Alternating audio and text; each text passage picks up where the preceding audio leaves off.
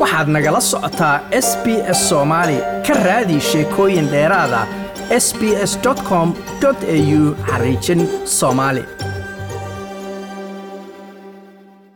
victoria ayaa noqonaysa gobolkii ugu horreeyey ee australia oo si rasmiya u mamnuuca isticmaalka soo bandhigidda iyo muujinta astaanta naasiga jarmalka uu isticmaali jiray ee swastikada loo yaqaano harken cross sidoo kalena loo yaqaano qofkii sharcigan cusub jebiya ayaa wajahayabaa layidhi ganax lacageed ama xabsi. Inkasta oo isticmaalka qaarkiis la ogol yahay haddii dadku ay u isticmaalayaan arrimo diin ahaan dhaqan ahaan iyo waxbarashaba. Sharcigan ayaa loo sameeyey si looga jawaabo dib u soo noolaanshaha kooxaha naadsiyiinta cusub iyo kooxaha garabka midig oo sannadihii u dambeeyey soo badanayey waxaana la filayaa in sharci kaa la mida ay soo saaraan gobollada new south wales tasmania queensland iyo weliba south australia. In astaantan meel ama goob dadweyne lagu soo bandhigo ayaa hadda sharci darro ka noqonaysa gobolka victoria. Astaantan sidoo kale loo yaqaano harken cross ayaa waxaa jarmalka ku isticmaali jiray xisbigii naatsiga ee adolf hitler bilowgii qarnigii labaatanaad. Haddana astaantaas ayaa noqotay tan ugu caansan ee lagu garto ama loo isticmaalo yuhuud nacaybka. Ayna isticmaalaan caddaanka dadka iskala sarreeya ama white supremacist waxaa loo yaqaano. Markii sharcigan la marinayay baarlamaanka oo lagu mamnuucay astaantan xeraalyaha guud ee gobolka victoria jaselin symes ayaa baarlamaanka u sheegtay in astaantan aysan boos ku lahayn bulshada australia dhexdeeda.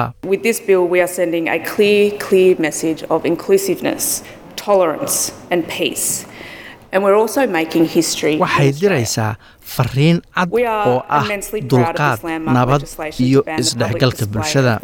waxaan australia ka samaynaynaa ama ka dhigaynaa taariikh ayay tiri.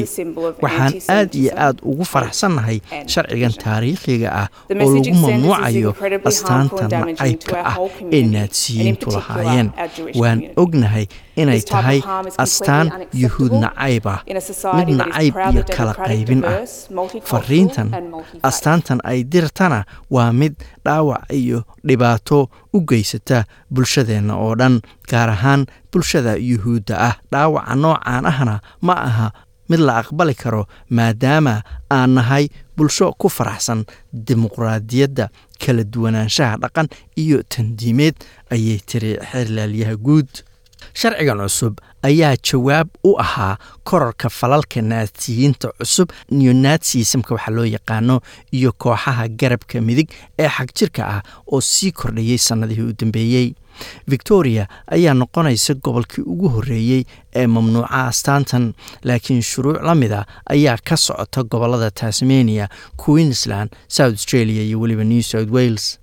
sharcigan oo loo bixiyey sharciga mamnuucidda astaanta naadsiga ee labada kun iyo labaiyo labaatanka ayaa dembi ka dhigaya qofkii si ulakac ah u soo bandhiga calaamadda naadsiga iyo qofkii diida inuu qaado ama ka qaado goobta markii boolisku ay amar ku siiyaan xeerlaaliyaha guud ee gobolka victoria jaselin symes ayaa sheegtay mar kale in ciddii sharcigan jebisa lagu ganaaxi karo laba iyo labaatan kun oo doolar ama laba iyo toban bilood oo xabsiya ama labadaba la isugu dari karo.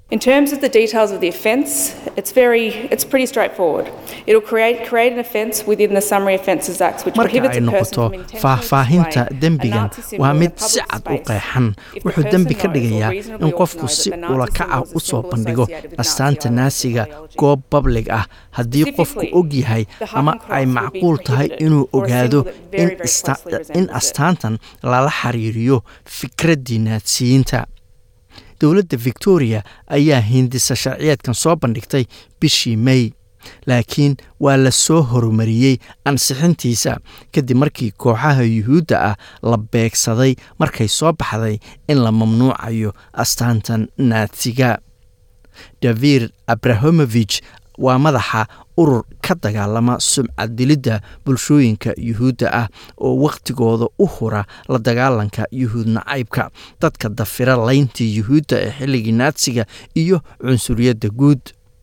Ururkiisan ayaa u ololeynayay sharcigan shantii sano ee u dambeysay wuxuuna ku sugnaa baarlamaanka victoria markii la ansixinayay sharcigan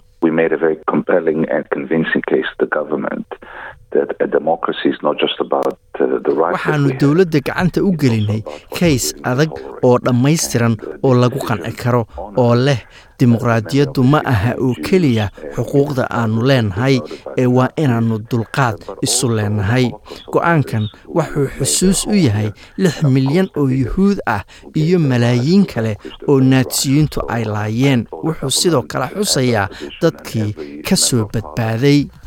naadsiyiinta oo dalkan austreeliya soo degay iyo dabcan askartii naftooda u huray inay ka takhallusaan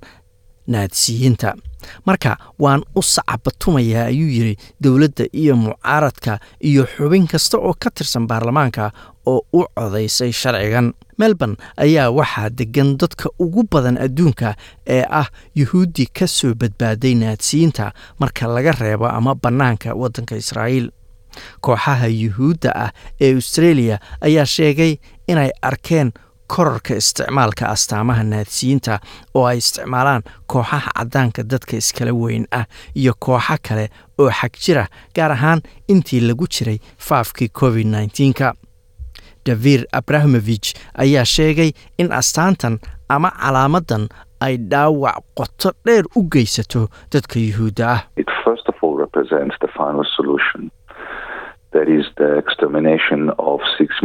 marka ugu horreysa astaantan waxay ka dhigan tahay wixii loo bixiyey xalka u dambeeyey oo ahaa dabargoynta lix milyan oo yuhuuda oo lagu laayay gaas lagu gubay. Waxay astaantani matashaa rabitaankii taliskii saddexaad ama naadsiyiintii ay ku doonayeen inay qof kasta oo yuhuud ah adduunka uga tirtiraan.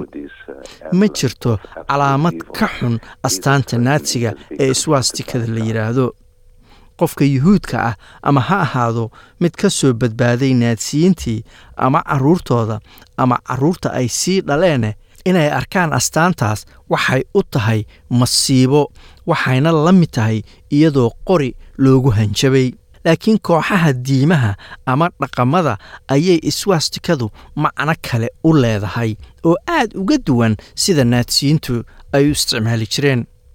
Ka hor inta aysan naadsiyiintu sidan xun u isticmaalin calaamadda iswaastikada bulshooyinka aasiyaanka qaarkood waxay u ahayd astaan qadiimi ah oo u taagan ama matasha barwaaqo nabad iyo weliba nasiib wacan sharcigan cusub ee victoria iyo kuwa gobollada kale ayaan qabanayn bulshooyinkaas ay ka mid yihiin hinduuga budhiistaha iyo jaynka inay isticmaalaan astaantan. Ku-xigeenka madaxa golaha bulshada hinduuga ee australia surinder jain ayaa soo dhoweeyey in iyaga laga cafiyey sharcigan oo uusan qabanayn isagoo sheegay inay u xoreynayso calaamadan muqadaska u ah bulshadiisa iyo kuwa kale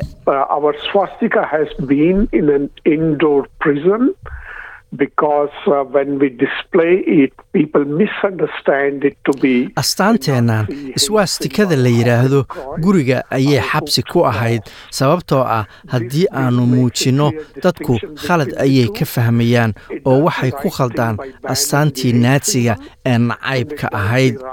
oo waxoogaa ka duwan taayada.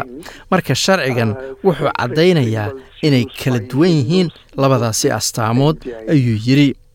sharciga victoria ayaa sidoo kale waxaa ku jira qayb bulshada lagu barayo taariikhda diimeed iyo tan dhaqan ee calaamadda iswaastikada la yidhaahdo ama astaantaasi. Surinder jain ayaa sheegay inuu rajaynayo inay ka caawiso in dadka la baro sida ay u kala garan lahaayeen farqiga u dhexeeya iswaastikada dhaqan ahaan hinduugu ay u isticmaalaan iyo harkan koroska naadsiyiinta sharcigan ayaa sidoo kale ka dhaafaya in ama ka cafinaya astaantan in loo isticmaalo arrimo waxbarasho saynis taariikh iyo sidoo kale in lagu muujiyo iskuullada iyo madxafyada sharcigan ayaa victoria ka dhaqangeli doona lix bilood kadib like aas la wadaag wax ka dheh lana soco barta facebooka ee sb s soomaali